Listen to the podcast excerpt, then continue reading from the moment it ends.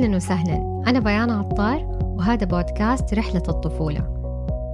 معانا اليوم أستاذة وفاء غيبة أخصائية تربوية وصانعة محتوى في انستغرام واليوتيوب. ماجستير علم نفس الطفل وخبرة أكثر من 17 سنة في مجال الأطفال. مؤلفة كتاب من الصفر إلى الفخر وهي أم لثلاثة أطفال. أنت دائما تتكلمي إنه نحن مع الحياة أمتع مع أبنائنا فكيف نجعل من هذا التحدي وهذا الضغط برضو متعة في رحلتنا التربوية؟ صحيح شوفي بيان الحياة مع أبنائنا هي لازم تكون حياة ممتعة لأن هذا جزء أساسي من أهدافنا في التربية. أنت ما أنت مستمتعة في حياتك مع أبنائك؟ هذه مشكلة كبيرة. دارسة أنماط الشخصية. فتجيني أم تقول لي مثلا عندها ثلاث أولاد أو أربعة مراهق وأطفال. تقولي أنا ما أقدر أتحمل إني أنا أم. آه، فكرة الأمومة بالنسبة لها شوي ثقيلة فإنها يعني تأدي الأساسيات مع أبنائها. يعني مثلا الرعاية الأساسية إنه توفر لهم المنزل العلم الملبس المأكل. بس هي من جوا ما هي مستمتعة. متى تستمتع بعض الأمهات لما يكبرون يعني مثلا يصير ولدها في الجامعة ويبادلها الحوار و... وما هو متعب التعب الجسدي أنظف وراه ولا ألبسه ولا أكله طيب إذا إحنا قلنا أنه في اختلاف في الشخصيات هل أنا مضطرة أني أجبر نفسي؟ نعم أنا مضطرة أني أجبر نفسي لأن مو شرط آه، أنا علاقتي ما تأسست صح مع ولدي بعدين لا والله فجأة على الجامعة آه خلاص آه أهلا وسهلا. أنا ماما آه وأنا مرة أحبك والحين أنا أقدر أتواصل معك باللغة اللي أنت آه تقدر تتواصل فيها معي. ما ينفع. إحنا مضطرين إنه إحنا ننزل لمستواهم مضطرين إنه آه نكبس على أنفسنا يعني نكبس على نفسنا. آه وزي ما عمر رضي الله عنه قال إنه إذا ما أنت قادر تبكي وأنت تقرأ القرآن تباكوا وهذا نفس الشيء يجي على ال على ال الأطفال. يعني إذا أنت ما أنت قادر تستحمل إنه آه، والله هذا يزن وهذا يصارخ أكيد أنت بيان سمعتي ناس يقولوا والله أنا ما أحب الأطفال ما أحب البزورة ما أحب أصواتهم صح؟ صح. هذه بسبب نمط شخصيتها. هي إنسانة مثلا آه، تحب الحياة العملية آه، الهدوء الزايد بس لما أنا آخذ على عاتقي مسؤولية كبيرة أنت أم يعني أعظم مكانة في الدنيا هي للأم. الرسول صلى الله عليه وسلم قالها وفي القرآن مذكورة. فإحنا لما نقول أم مو معناها بس هو حمل ولادة وانتهينا. أنت عندك مشوار طويل عشان تستحقي ال ال ال تكون الجنة تحت أقدام الأمهات. إحنا مضطرين إنه نعيش هذا الدور بكل الطلبات اللي هو والأمور اللي يحتاجها منا. فأنا إي بلعب مع أولادي. مالي نفس بس بغصب نفسي. إن شاء الله نص ساعة في اليوم. أنا ما أحب مثلا أرسم ولا ما أحب ألون ولا ما أحب ألعب كورة. وهذول يجوني يا بيان عشرات الأمهات. تقولي أنا ما أقدر ألعب كورة. بس ولدي يعشق الكورة. لا لا لازم تلعبي كورة. ولازم تفهمي باللاعبين حقين الكورة.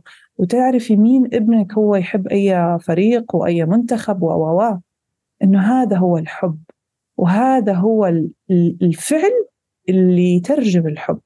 إحنا ما نقول بس أحبك أحبك أحبك سهلة هذه كل الناس تقولها. بس أنا عشان أثبت إني أحب أولادي أنا أفعل من أجلهم. ويعني أتوقع إنه هذه الجملة يعني تختصر الكثير. الحب يخليك تسوي أشياء كثيرة. وأنا أتوقع الأمهات يحبوا أبنائهم. بس ما حقول كثير بس في مجموعة من الأمهات يفسروا الحب بإني أنا وفرت الرعاية بعيدا عن التربية اللي هم أصلا محتاجينها. صح. في واحدة من الحلقات عندنا ناسية صراحة أي حلقة بس تكلمنا إنه إذا الأم عندها مشكلة في الشعور بالحب بعض الأحيان ممكن يكون في مشكلة نفسية وتحتاج إلى تدخل علاجي أو تدخل مثلا جلسات مع مختص. الحين إذا الأم ما عندها مشكلة نفسية تيجي عندي أنا علاج سلوكي أسوي خطة لعلاج سلوكي معاها لها لولدها لابنها المراهق هذا هذا شغلي. آه، الأمراض القلق ولا اكتئاب ولا عندها أي مشكلة مثلا تحتاج لها دواء في طبيب نفسي يقدر يوصف لها دواء ويساعدها ويغير حياتها. سبحان الله كان عندي واحدة تستشيرني وقالت لي أنه أنا في أيام الاكتئاب كنت أشعر أنه أنا أكره أولادي أني أنا خلاص ما أبغى أعيش. ولكن استشارة واحدة غيرت حياتها وحياة أبنائها وانقلبت الحياة من حياة بائسة إلى حياة ممتعة. لأن فعلا إحنا يعني ليه أنا مركزة على كلمة معا لحياة أمتع لأن لما أنت تقولي كيف أنا أستمتع مع أبنائي؟ ترى أنت لما تحطيه في حضنك تستمتعي لما تضميه تستمتعي لما تبوسيه لما تشمي ريحته لما ترى يعني حتى وهو مرات يصارخ آه يكون دليل إنه هو على قيد الحياة وإنه هو كويس إنه هو بصحة. اذا أنا أحبه زي ما هو. نعم إحنا ممكن نعيش حياة ممتعة جدا مع أبنائنا. مرة جميل الكلام. يعني نحن مو لازم نسوي حاجة كبيرة حفلة ولا نشاط مرة كبير عشان نحن نحس بالحب. يعني زي ما أنت قلتي حضنة طبطبة أشياء بسيطة هي نستمتع بيها مع بعض. صحيح صحيح. يعني هي الأشياء البسيطة هي اللي تصنع المعجزات. يعني أنت الحين وأنا أكلمك فكري بأي شيء في الحياة كبير مهم. برج خليفة. ما بدأ برج خليفة بأعمدة طولها 100 متر. no no. بدأ بأشياء بسيطة جدا. step by step حجر فوق حجر.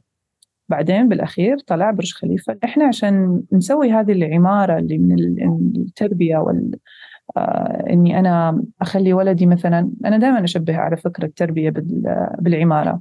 وكل سنة من السنوات آه تكون طابق جديد يعني. فإذا عندي الحين ولدي صف خامس وعمره 11 عشرة. مرات أحس آه يعني الأمهات يعني هذا اللي يقولونه أشعر إني بديت من الصفر. تقول لها أنت ما بديتي من الصفر. عندك أنت تسع سنوات سابقة هي موجودة بس كل واحدة طابق بس كل ما تطلعي إلى مكان جديد لابد إنك ترجعي تعملي دهان جديد تحطي كهرباء تحطي مكيفات. فهذا نفس الشيء. يعني انت ما تشعري إنك رجعتي للصفر. انت ما رجعتي للصفر. المبادئ اللي زرعتيها خلال السنوات الماضية تراها موجودة بس اختلاف طفلك نظرته للأمور وعيه أصدقائه المجتمع اللي حوله آه، شخصيته تكونت ردود فعله تغيرت بسبب يمكن الظروف اللي صايرة في البيت. فلا يعني انك انت وصلتي للصفر. لا انت موجودة. إذا تعبتي لا تقولي إنه تعبي راح. يعني دائما الأصل موجود. لا نستسلم بسهولة. هل كلامك موجه بس للأمهات؟ هل مثلا تجيك استشارات من آباء؟ هل فعلا دور الأب جدا مهم في التربية؟ وكيف نشركه معانا؟ في رحلة التربية؟ شوفي لقد سألتي عن عظيم أنا أكيد عندي آباء وعندي أزواج مع زوجاتهم يعني يجوا couples اثنينهم ولكن يعني to be honest يعني عشان نكون صادقة جدا الأمهات هم الأغلب اللي متابعين لصفحاتي في ال social media. هم اللي يسألوا أغلب الاستشارات تجيني من أمهات الأغلب okay let's say إنه 80% ومثلا 15% كابلز و5% آباء لوحدهم. خليني أشبه لك آه، تشبيه كذا لطيف أنا أحبه مرة. عن دور الأب ودور الأم. الأم شفتي يدك كيف فيها كذا خلايا صغيرة؟ مرة صغيرة كذا يدك الجلد. هذه الخلايا الصغيرة مكونة من ملايين الخلايا عشان تكون الجلد اللي على يدي وعلى جسدي كله صح؟ آه تماما. فأنا آه أشبه علاقة الأم وتواجدها اليومي بهذه الخلايا. هي لازم تكون بهذه الكثرة ولازم تكون يوميا موجودة. فدائما تلاقي إنه الأم هي اللي تأكل هي اللي تشرب هي اللي تتابع هي هي تدرس هي تتتت صح؟ نوعية الحياة اللي إحنا نعيشها يعني في المجتمع هنا الأب يكدح خارج المنزل ويتعب ويشوف الحياة الخارجية وصايره المسؤولية توزعت يعني صار في تقاسم بدون حتى يعني ما نذكره إنه فجأة صارت الأم هي مسؤولة عن البيت والأولاد والأب هو المسؤول خارج المنزل طيب هل له دور أساسي؟ أنا أقول إنه دور الأب أقوى من دور الأم ليه؟ لأن صح الأم هي الخلايا الصغيرة المتواجدة اللي سبورت اللي تدعم كل يوم. وكل موقف هي تسمع وتحاور و و و الأب لما يجي مثلا تصير في معضلة معينة أو أي شيء نبغى نثبته عند الطفل دوره كدور الأعضاء الداخلية اللي في الجسد. يعني لما إحنا نبغى نزرع قيمة أو نعدل سلوك معين والأم محتاجة الأب فيجوا سوا فالأب يجي زي مكانة القلب مكان الرئتين مكان الكبد. يعني يجي ثقيل يجي كذا موقف ثابت ثقيل له أثر. لأنه إحنا من دون هذه الأعضاء ما نقدر نعيش. على إنها كبد واحد على إنه قلب واحد على إنه عقل واحد على إنه الرئة أوكي رئتين بس بالأخير ترى الأم عندها ملايين المواقف والخلايا صح ولا لا؟ صح. فأنا دائما أشبه إنه دور الأب وقعه جدا عظيم على الأطفال بس أحب بسبب الظروف. طبعا يا ليت إنه هم يتقاسموا الحياة العملية والتربية ولكن أنا ماني إنسانة عايشة في كوكب المريخ. أنا أكلمك حتى عن حياتي الشخصية. أنا لما أنا أنسحب مثلا وأروح للمركز دائما هو زوجي اللي يغطي. طيب أنا الحين مرات كثيرة هو يكون مسافر بسبب عمله. آه، هو أيضا طبيب ف يعني جدا مشغول. هل أنا بقول له لا والله اترك العيادة واترك المرضى وخليهم تعال ربي الأولاد؟ لا. إحنا في أوقات معينة ممكن إنه نخلي بابا هو المسؤول آه، تكون أوقات عائلية ما يكون منسحب تماما. الانسحاب اللي هو أكيد في آباء يعني الله يعينهم وبنفس الوقت الله يعين عوائلهم. إنه منسحب تماما مثلا إنه حتى يناموا أيام الأسبوع وهو تو لسه ما جاء. هذا ثقيل على الأطفال على فكرة. بس هل يعوض خميس جمعة سبت؟ ولا لا؟ ترى مرات أشياء بسيطة ممكن تساعدنا إنه إحنا نكون متواجدين. إذا راح الدوام الصباح يوصلهم إذا ترك لهم رسائل لما يصحوا الصباح يشوفوا إنه بابا مر علينا قبل لا ننام. إذا مثلا هو في الدوام وولده عنده الواتساب مثلا حق الماما يقول له ما بابا أنا اليوم أخذت العلامة هذه أنا أبغاك تعرف. في تواصل مو هو في مكان ومعلوماتهم في مكان لا. ال connection هذا لو إنه إحنا نكلم بابا في التليفون دقيقة نرسل له واتس نرسل له message نرسل له فيديو وهو يرد. لا لا شك إنه حيكون عنده ثواني إنه يقول ما شاء الله بابا أنا فخور فيك. ترى هذه تكفي الطفل إنه بابا متابع معي بابا عارف عن تفاصيل حياتي. أما يعني غائب تماما عن كل قرارات عن كل المواقف عن كل الإنجازات هو غاب عن حياته وقلبه واهتمامه. والله أعرف واحدة زوجها يعني ساكن في السعودية وهي متغربة عنه في في بلدها الأم. الولد ما يطلع من البيت لين يكلم أبوه. بابا أنا عندي هذا المكان تسمح لي ولا لا؟ فشوفي الترابط الأسري على بعد المكان. مرات يكون الأب في البيت ولا هو داري أصلا وين أولاده وإيش اهتماماتهم إيش يسووا. هل أصلا في البيت الولد ولا مو بالبيت؟ يعني في, أباء ما يعرفوا متى المراهق جاء راح زعلان عنده أصدقاء ما عنده عنده مشاكل في المدرسة عنده تنمر عنده, عنده آه، مو مهتم ما يهمه. رامي الحمل كله على ماما. هي المسؤولة هي هذه هذه الفكرة هذه فكرة إنه ماما هي المسؤولة وأنا مالي دخل أنا جدا تزعجني. بس لما الأب يكون فعلا غرقان بالدوام وجالس يأمن عيشة كريمة لأولاده. ما هو طالع استراحة ولا مع أصحابه طوال الوقت وهو من حقه يطلع يوم في أوقات معينة طبعا بالترتيب مع زوجته لأنه هو ما هو شاب آه، بدون عائلة. هو لازم يتذكر دائما أنه خلينا نقول اسمه محمد. هذا محمد ما عاد صار محمد صار اسمه محمد زائد زوجته مثلا مها زائد عبد الرحمن زائد آه، نورة. هو كله محمد هو كل هذول. أنت ما تقدر تقول والله يا أم عبد الرحمن أنا مسافر أسبوع رايح مع أصحاب. ما ينفع. أنت عندك مسؤولية. أول شيء مسؤوليتك أمام الله أصلا إنك تقدم لأطفالك. فأكيد أكيد دور الأب جدا أساسي. وأنا أقدر وأحترم الأب اللي يحاول يكون مع أبنائه بس ظروف الحياة اللي هي تمنعه.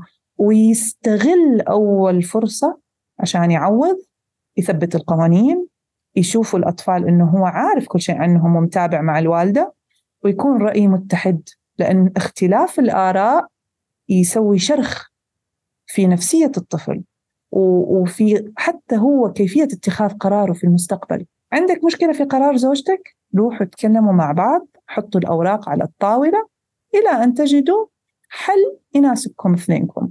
وكونوا عقلانيين وخافوا الله يعني في في في طريقة النقاش لأن بالأخير لا يكون الطفل هو الضحية.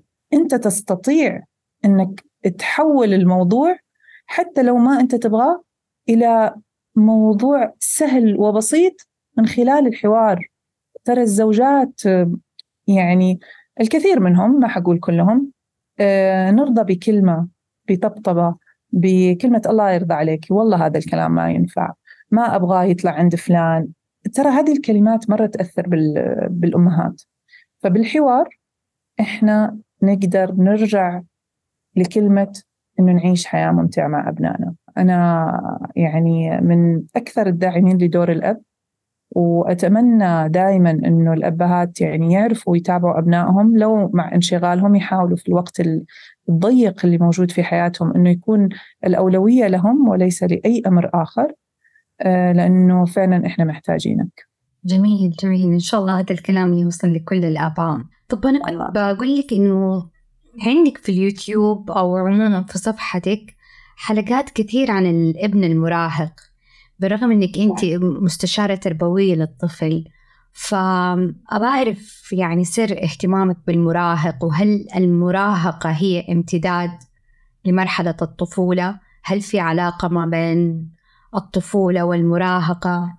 يعني كلمينا أكثر عن موضوع المراهقة آه، أنا لما بديت بديت مع الطفولة ولكن أنا صار لي تقريبا صار لي فترة آخذ مراهقين كاستشارات وتعمقت في عالم المراهقين وسويت رحلة مربية الموسم اللي فات آه، كان خمسين حلقة آه، كلها تغطي مواضيع جدا تهم أهل المراهق طبعا أكثر وفي كم حلقة كانت مخصصة للمراهقين. وعندي استشاراتي الحين أستقبل المراهقين. يعني شوفي الاهتمام كان من بدري. أنا شوفي العشق الكبير عندي هو لكل مراحل الطفولة. يعني أنا حرفيا لما أشوف بيبي عمره يوم إلى مراهق عمره 17 18 أنظر لهم النظرة اللي ربي يحميكم. آه يعني الكبير يجنن والصغير يجنن. عرفتي كيف؟ طيب هو فعلا انت بتقولي إنه عمر الطفولة من أول يوم إلى 17 سنة. طيب أنا كيف من عمر مبكر أشتغل مع طفلي بحيث إنه تكون فترة مراهقته مو بالصعوبة اللي بيعيشوها الأهل اليوم؟ للأسف يعني المساحة ما بين فارق العمر وفارق التطور اللي صار الانفجار الكوني بالمعلومات وال social media. فصار في اختلاف كبير بين مراهقتنا يا بيان ومراهقة أبنائنا. واحد من الأشياء اللي خلى اهتمامي بالمراهقة يعني يقفز من مثلا 50% إلى 1000% هو كون بنتي دخلت في مرحلة المراهقة. ما شاء الله بنتي ليان الحين عمرها 15 سنة. ما شاء الله. كنت دائما أقول يعني ما سبب مثلا اختلاف بعض السلوكيات عندها. مع إن الحمد لله إحنا في البيت بيت رايق جدا و آه والحمد لله يعني أنا وزوجي يعني متفاهمين بكثير أمور ولو اختلفنا نختلف يعني بيننا. ف تلاقي بنتي مثلا فجأة ما تبغى تتصور ما تشوف المراية هذا الشيء ترى من جيناتهم الاختلاف اللي يصير. آه هي كانت طفلة تهتم بال بالألعاب بالباربيات بالألوان باللون الزهري. كل شيء لونه زهري كان يجذبها. فجأة صار اللون الأسود. ولازم تلبس مثلا الهودي هذه العريضة. سبحان الله الاثنين اللي فات ولا الثلوث كان عندي محاضرة. واحدة تشتكي إنه بنتها حتى في العيد لازم تلبس الهودي.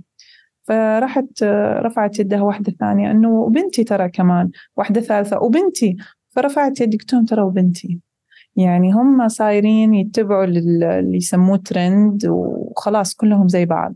فالاهتمام اللي صار إنه أبغى أفهم إيش اللي يصير جوا عقل المراهق. إيش اللي يصير حتى هو ما هو قادر يتواصل معانا بالطريقة اللي اللي نقدر نوصل لحل ترى يعني تلاقي الأهالي تايهين. مع أن في كثير منهم يعني ردا لسؤالك أنه كانت علاقتهم حلوة. فجأة الطفل يعني تغير. الحين طبعا أنا كل ما أتكلم عن يعني فئة معينة ما أكو ما يعني ما يكون أغلب الناس أو أغلب المراهقين ولكن عدد كبير منهم. فعندنا مثلا المراهق اللي عائلته كانت آه، العلاقة معاهم رايقة كانوا داعمين كانوا يتقبلوا الأخطاء متقبلين شخصيته زي ما هو. هم يعني كانوا واضحين بقوانينهم اللاءات حقتهم آه، ما هي كثيرة. آه، يعني أهل صحيين. مو شرط أنه تكون علاقتهم مع مراهقهم تكون صحية برضو. ولكن العلاقة الصحية ستفوز دوما. يعني لما أنا أتقبل ولدي وهو طالع لابس ملابس آه وسخة عليها بقع يعني آه ممكن ما هي مكوية آه ممكن ريحته طالعة ممكن شعره منفوش. كل هذا الجانب أحاول طبعا أني ألفه للطريق الصحيح وأعلمه الأشياء اللي لازم يسويها ولكن ما تكون هذه الإطار اللي اللي يخلي علاقتي جواه. لا أنا لازم أفهم أن المراهق هذه الأمور ما تهمه. لين يجي واحد من أصحابه ويعطيه كلمة على راسه يروح أوه والله تلاقيه يهتم بشكله ولا ريحته ولا ملابسه. فإذا هذا مو دوري. وين دوري؟ دوري إني أنا أطور علاقتي معه وأشوف الأشياء الأساسية اللي إحنا لازم نشتغل عليها. يعني الولد ما يدرس البنت مثلا ما تصلي أو هذه الأشياء الأساسية يا بيان يعني. آه، هذه أنا أقول دائما للاهالي اختاروا متى ترفعوا السيوف. أنا ما أقدر أرفع سيفي طول اليوم مع ولدي المراهق وأقول أوه ولدي المراهق ما أدري ليش علاقتي معه سيئة. ما أنت كل شيء تقول عليه لا ما كل شيء أنت كل شيء يعني تنصحه وتقول يلا سوي يلا اعمل. طب كيف هو راح يسمعك؟ وأشبه الأهل يعني سوري على الكلمة بس في أهل زنانين بس أشبههم تشبيه حلو. يعني في مغنية لبنانية اسمها فيروز يحطوها بالمطاعم بعد المطاعم طبعا. فتلاقيها تغني تغني تغني تغني. فجأة تطلع أغنية تقولي آه هذه الأغنية حلوة أنا أحبها. ليه أنا أشبه كذا؟ لأنه بعض الأهالي يتكلموا يتكلموا يتكلموا يتكلموا وفجأة يقولوا كلمة المراهق أو الطفل يحبها. يعني مثلا خلينا نروح البقالة. من بين كل الطلبات والانتقادات والكلام الطويل اللي كان طول اليوم سمعك بس في هذه الجملة لأنها لقطت انتباهه. بس ترى هو طفش من كثر الكلام. زي ما هذه المغنية ترى إحنا ما نسمعها. إحنا فجأة نسمع شيء يعني يا أما اللحن يا أما الكلمات أعرفها يا أما عرفتي كيف؟ ما ينفع إحنا بس نطلب ننتقد ما ينفع سوي لا تسوي تعال روح طلبات. لا لا هذه تدمر العلاقة بيني وبينه. أنا أقول عندي ثلاث أهداف. أنا الحين مثلا يعني بشكل شخصي عندي موضوع الصلاة عندي موضوع الدراسة عندي موضوع الالتزامات في قوانين الأجهزة والتابلتس وكذا. وعندي موضوع مثلا أنا أشد عليه النوم. ما عندي أنا في بيتي سهر. فهذه الأشياء تلاقيني شديدة فيها. يلا نروح ننام. ما ينفع نتأخر. آه، وراهم عرفتي؟ خلاص أطفي لمبات الصالون آه، كله يروح متعشين. أنا هذه هذه هذه وفاء. إيش إيش وفاء تهتم فيه؟ أنت إيش يا بيان؟ مها محمد. كل واحد لازم يكون واضح ويثبت هذه الأشياء فيها. مثلا ولدك يطلع كل يوم للساعة 12 أنت ما عندك مشكلة. أنا عندي مشكلة. طيب واحدة لا عندها مشكلة بس ما سوت شيء. نو no. ناخذ ال ال ال ال الإجراءات اللي تخلي ولدي يرجع الساعة 10 لأنه بالأول والأخير ترى نحن أهل ومسؤوليتنا. يعني من مسؤوليتي أنا أني ما أخلي ولدي يروح الشرطة. من مسؤوليتي أنا إني أعرف ولدي يدخن ولا ما يدخن. من مسؤوليتي أنا إني أعرف مين أصحاب ولدي. طب هذه كيف تجي يا بيان إذا أنا علاقتي ما هي حلوة معاه؟ بس أنا لما يشوفني أنا زنانة وأنا بس أطلب وأنا أنتقد. لا أجلس جنبه. هاي يا ماما مين أصحابك بالفصل؟ مين أنت تفضل تجلس جنبه؟ مين يحاورك بطريقة كويسة؟ مين عندكم واحد كذا شخصيته تزعجك؟ عشان نفهم في تنمر ما في تنمر. وندعم. والله ولدي شاطر بالرسم أحطه دورات. ولدي شاطر في الكورة أحطه نوادي. سباحة أحطه نوادي. هو يعني تصل فكرة مهمة للطفل. ترى إحنا موجودين لدعمك وإحنا نحبك في كل حالاتك. هذه الرسالة أساسية أنها توصل للأبناء. أهل يخافوا الأهل يخافوا من استمرار بعض العادات السيئة. يعني مثلا آه طفل أو مراهق آه صار يرفض يمشط شعره. تعرف مثلا موضة الكدش تطلع فترة في المراهقة. يخاف إنه تستمر معاه سنوات ويتعود آه تكمل معاه ست سبع سنوات. أو مثلا زي كده مراهق ما بده يفرش أسنانه. فيخاف إنه تكمل معاه هذه العادة إلى أن يكبر ويتزوج وكذا.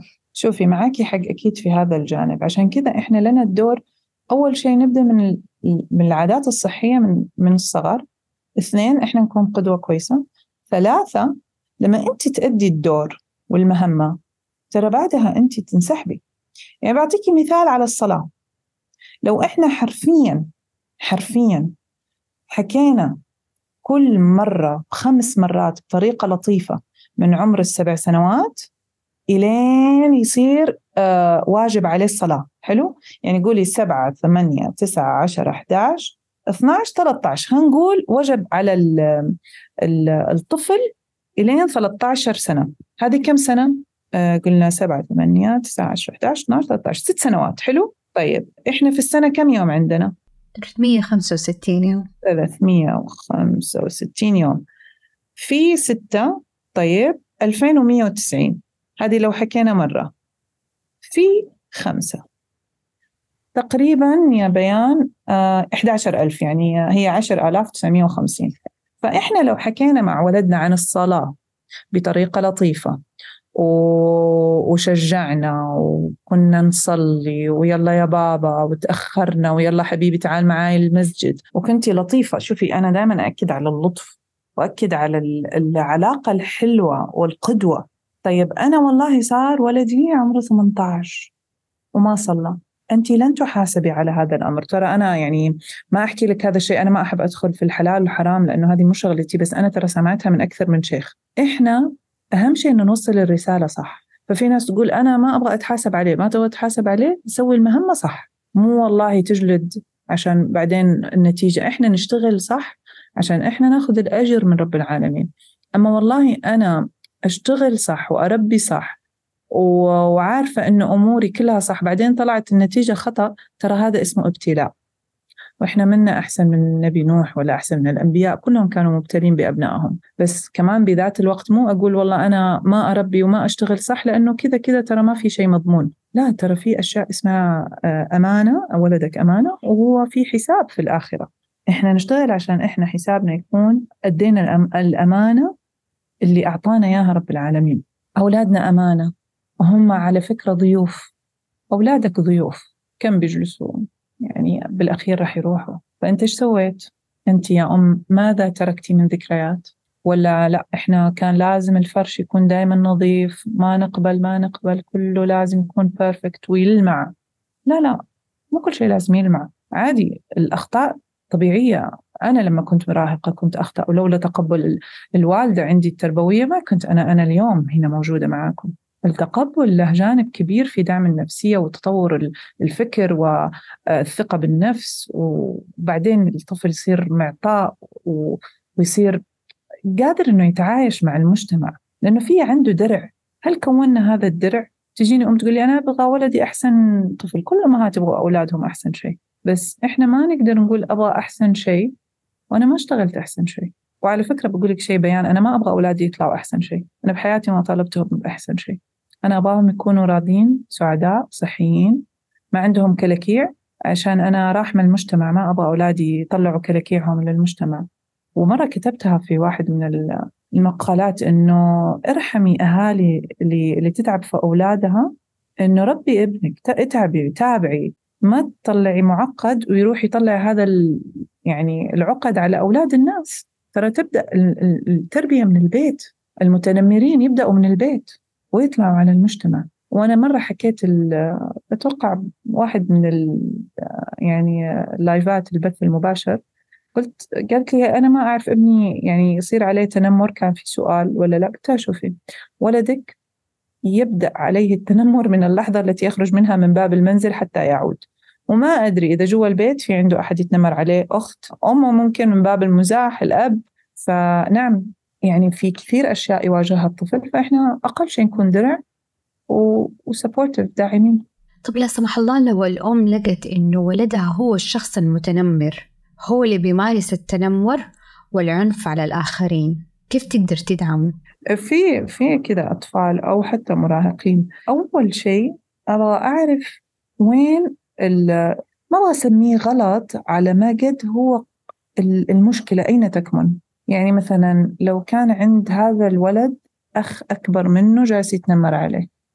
بالتالي اللي صاير فيه بيصير في أولاد الناس بيطلعوا على اللي طلع اللي أخوه الكبير طلعوا فيه هو بياخذوا بيطلعوا على الناس. وأنا دائما أقول ترى المتنمرين متنمر عليهم. فأنا أعرف وين وين صاير هذا الفجوة في بيتي. وإيش السبب؟ أنا أبوه أخوه هل هو نفسيته مثلا حساس جدا؟ فيشوف مثلا إنه أخوه متفوق هو عنده مثلا مشكلة في آه مثلا عنده تشتت انتباه ما يقدر يركز علاماته قليلة فيروح يطلع هذا الشيء بطريقة عنيفة على الأصدقاء. هل عنده مشكلة في بالأصدقاء مثلا آه خلوه كذا يعني منبوذ من بينهم وهذا أمر جدا ثقيل على نفسية الطفل؟ أو المراهق إنه ما يكون عنده أصدقاء ويشعر إنه هو منبوذ. وهذه بالفطرة ترى يعني كبير صغير بس يشعر إنه منبوذ ترى تحطم. فلما أنا أبحث عن هذه المشكلة يعني سببها والفجوة اللي صايرة في بيتي آه، أحاول طبعا أحلها مباشرة. آه، أتكلم مع ولدي. إيش اللي يزعله إيش اللي يخليه يعصب؟ ليه هو يسوي كذا؟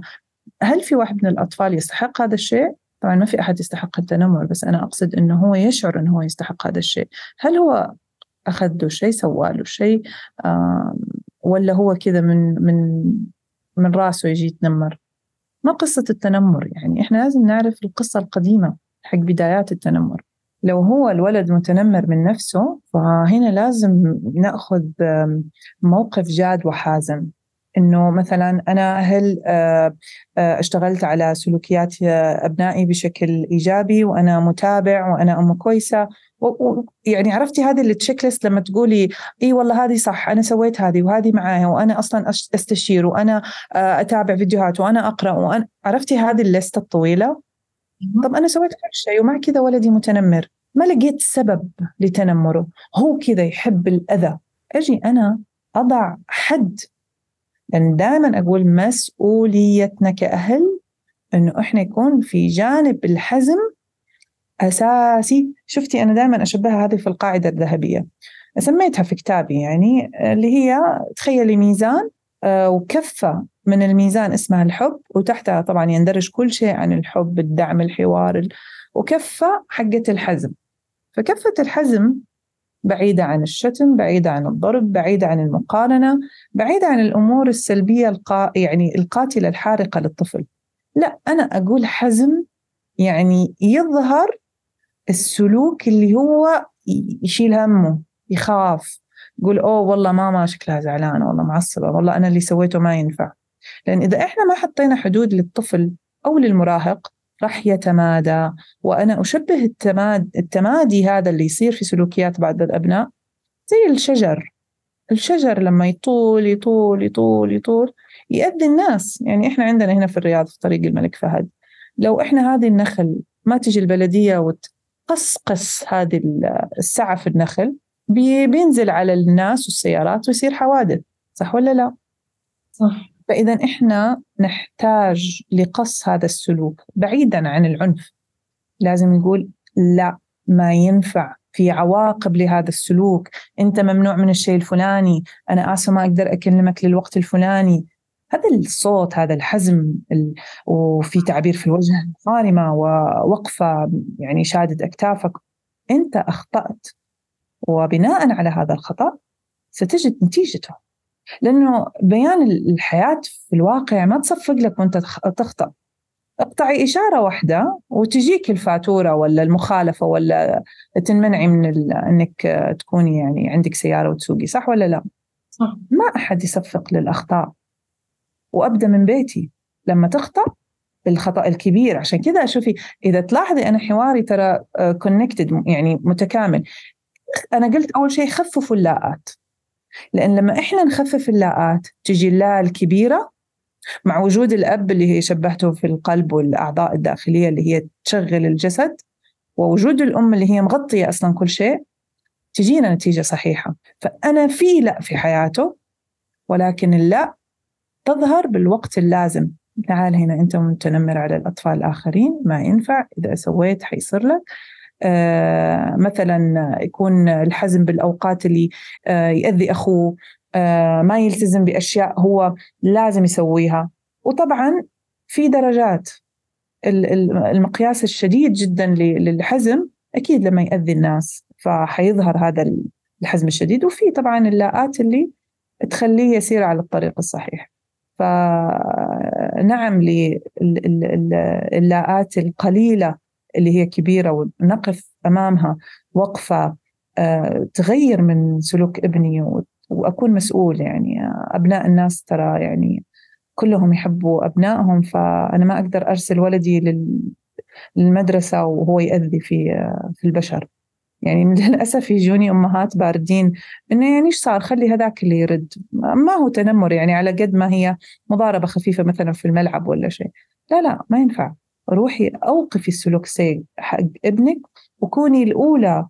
ما تخلي الناس هي اللي تربي ابنك. أنت كوني متواجدة متابعة. لا نأذي أبناء الناس ونكون إحنا مسؤولين عن سلوكياتهم. جميل. أنت أكثر من سياق جبتي موضوع اللاءات إنه هي ما تكون كثير. طب ما هو العدد المناسب؟ يعني هل مثلا الطفل اللي عمره ثلاث سنوات يعني في عدد محدد من اللاءات عمر سبع صراحة أنا مين يحدد؟ أنا, اختص... أنا اختصرتها في كتابي. آه عندنا لا اللي يحرمها القرآن والسنة. حلو؟ إيه. هذه أساسية. لا الثانية اللي تأذي نفسه أو تأذي المجتمع. طبعا هي تحتها يندرج أمور عدة فإحنا نحسبها. اللا الثالثة يا بيان اللي هي إنه آه مثلا في أمور في المجتمع ما تنفع. في مجتمعي أنا مثلا بعطيك مثال بسيط جدا و... ويوضح إيش قصدي في إني أراعي المجتمع. ما ينفع آه، أمي تكون جالسة على الكنبة وبنتي جنبها ورافعة رجولها عليها آه، يعني وأنت بكرامة يعني رافعة الرجول فهل هذا مقبول؟ في مجتمعنا لا. طبعا في المجتمع الغربي يعني أنا لي واحدة من الأقارب أمريكية. أذكر أنها جلست نفس هذه الجلسة يعني وكانت متجهة نحو والدي يعني. وسبحان الله يعني إحنا فاهمين ثقافتها فما كان يعني متضايقين. بس أنا يومها كنت صغيرة واستغربت إنه ليه سويتي كذا يعني إنه بابا جالس. أتاريهم هم ما يعنوا فيها شيء. بس إحنا في ثقافتنا لا هي مرفوضة تماما. فزي هذه الأمور إحنا نقول ولدي ترى عيب آه، شوف جده جاب لك هدية. ماما ما أعجبتني. طيب إذا ما أعجبتك آه، أعطي آه، جدك بوسة في راسه على راسه وقول له شكرا. تعال وقول لي. إحنا نلاقي طريقة. بس ما ينفع نزعل كبار السن. فهذه الأشياء اللي إحنا في المجتمع عندنا ما هي ما في قاعدة واضحة. بس نحاول قدر الإمكان إنه نخفف منها. يعني أعطيكي مثال بسيط آخر. اللي هي ممكن بعض الناس يشوفوها بالمجتمع مرفوضة بس عادي إنه نقول لا. يعني مثلا آه، ولدي عادي يلبس آه، شراب أبيض شراب أسود. لما صاحباتي يشوفوه كان عمر صغير يقولوا ليه كذا لابس؟ قلت هو اختار. بنتي لما كانت صغيرة مرة ما تحب إنها آه، مثلا تكون لابسة الفستان مثلا طول الوقت فتلاقيها لبست بيجامة في نص السهرة. أنا ما عندي مشكلة هي ما أذت أحد. صح كل الشلة مستغربة. بس أنا ما أشعر إنه في هذا عيب أو لا. ليه أقول لا؟ على شيء هي ترى ترتاح فيه. وسألتي سؤال أنت ترى ما أدري إذا جاوبتك إنه هل يمتد هذا السلوك؟ هل شفتي واحد جالس يوم زواجه شعرته كشة وأسنانه مخربة و... لا تخافي. هذه الأشياء هو بيدركها مع الوقت. ولو ما أدركها يمكن إحنا ما وصلنا الرسالة الرسالة صح. ولكن أنت لما توصلي الرسالة المفهوم زرعتيه تتخيلي إنك زرعتي صح. حطيتي البذرة. إحنا النظافة اليومية أنا قدوة أنا كذا. بس لما ما تطلع بعدين مو مشكلتي أنا. هو مشكلته. أسنانه خربت مشكلته. ترى أنا ذكرت وقلت وشرحت وكنت قدوة ودائما مثلا أرسل له رسالة بطريقة غير مباشرة مثلا أجيب له فرشة أسنان مثلا إلكترونية أجيب له معجون أسنان آه، مبيض. يعني أحاول إني ما أفقد الأمل بس ترى بالأخير هو مسؤول عن نفسه. أنا مو لازم أحط له كل شيء في فمه ولا أحط له كل شيء في الطريق أمهد له الطريق تماما. لا أنا ممكن أختار طريق صعب لولدي وأهيئه هو أنه يكون جاهز يمشي في هذا الطريق الصعب. أنا ما أبغى طريق سهل لولدي أنا أبغى طريق صعب عشان هو تزيد كفاءته في هذه الحياة لأن الحياة ما هي سهلة. أتوقع بعض الأهل بيسووا هذا الشيء كمان يعني جزء منه عشان الناس. عشان الناس لا يقولوا إنه أنا ولدي في العزيمة ما هو لابس آه، أحلى لبس أو بنتي ما هي لابسة الفستان أو عشان إيش يقولوا علي الناس؟ ما تتوقعي؟ هذا برضو أحد الأسباب. إحنا ما يعني خربط علينا تربيتنا إلا قالوا ورضيوا وعجبهم وما عجبهم. تعالي في الواقع إحنا إيش نتذكر عن عن آخر جمعة يعني؟ والله أنا شوفي أنا بالنسبة لي آخر جمعة لا أذكر إيش الناس كانت لابسة ولا مين اللي جاء. فهذا الشيء ترى ثانوي. وأنا من الأشياء اللي كتبتها في كتابي معتقدات صحيحة ومعتقدات خاطئة. في أفكار عميقة جوانا إحنا نربي عليها أبنائنا ونعيشها مع حياتنا اليومية هي معتقد خاطئ. فتخيلي إنه هذا المعتقد الخاطئ يدخل في قيمنا وسلوكياتنا وبعدين نشوف أبنائنا مثلا سووا أي شيء معاكس لهذا المعتقد وتصير مصيبة. يعني معتقد خاطئ بعض الأهالي يعني يتبنوه. إنه آه الأب هو فقط للحزم وماما هي الحبوبة الطيوبة وبابا هو الشرير المتوحش. لا اثنينهم يربوا اثنينهم عندهم مواقف سلبية وإيجابية وبابا زي ما ماما تحط في الحضن هو يحط في الحضن وزي ما ماما تاخذ تشتري لنا من البقالة بابا ياخذ يشتري لنا آيس كريم فمين قال إنه بابا مو حنون؟ ومين قال إنه ماما ما تقدر تكون حازمة وتضبط الأمور؟ لأن معلش إذا كل أم بتستنى بابا لين يرجع البيت وتخبره وتصير اللي, يعني ما تقدر يعني تخبي أسرار الولد يعني مثلا هو إيش يشوفها؟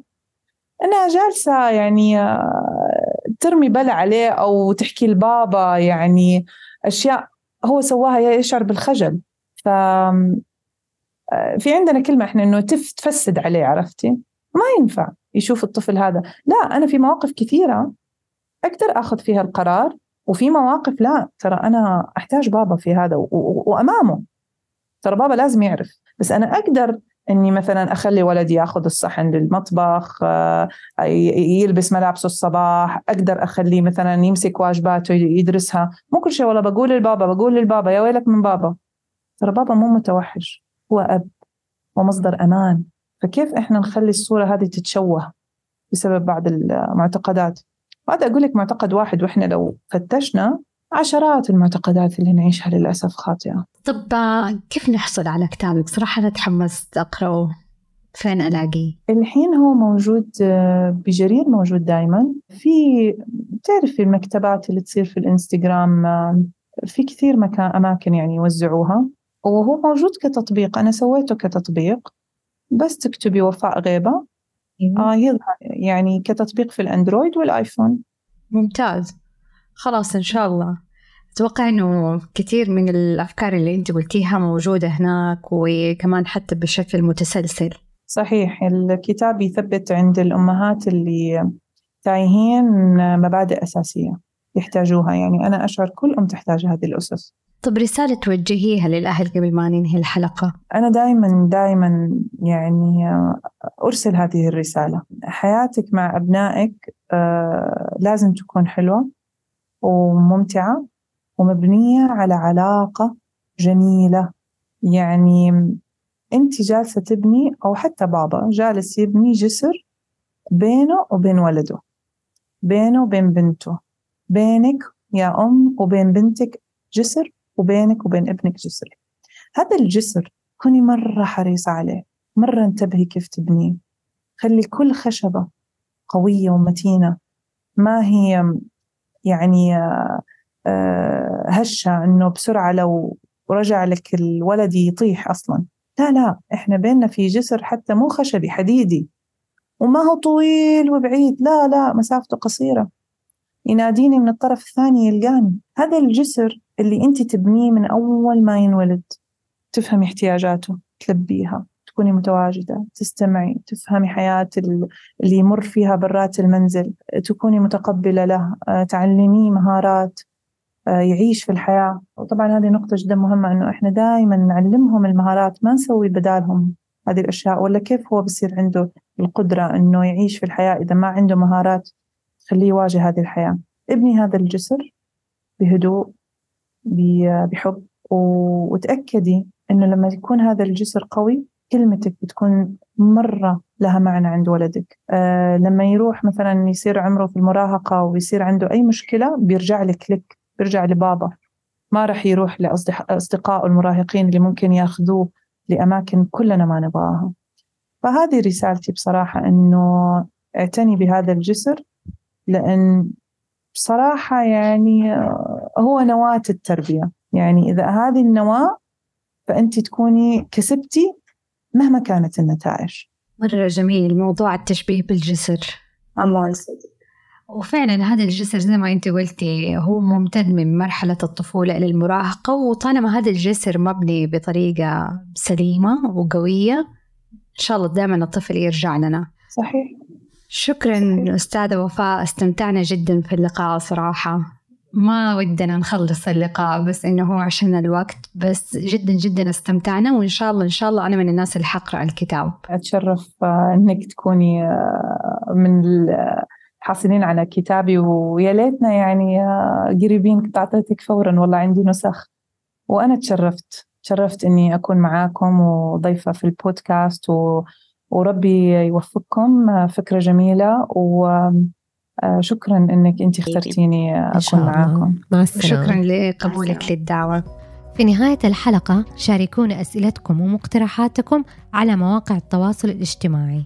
وانتظرونا قريباً.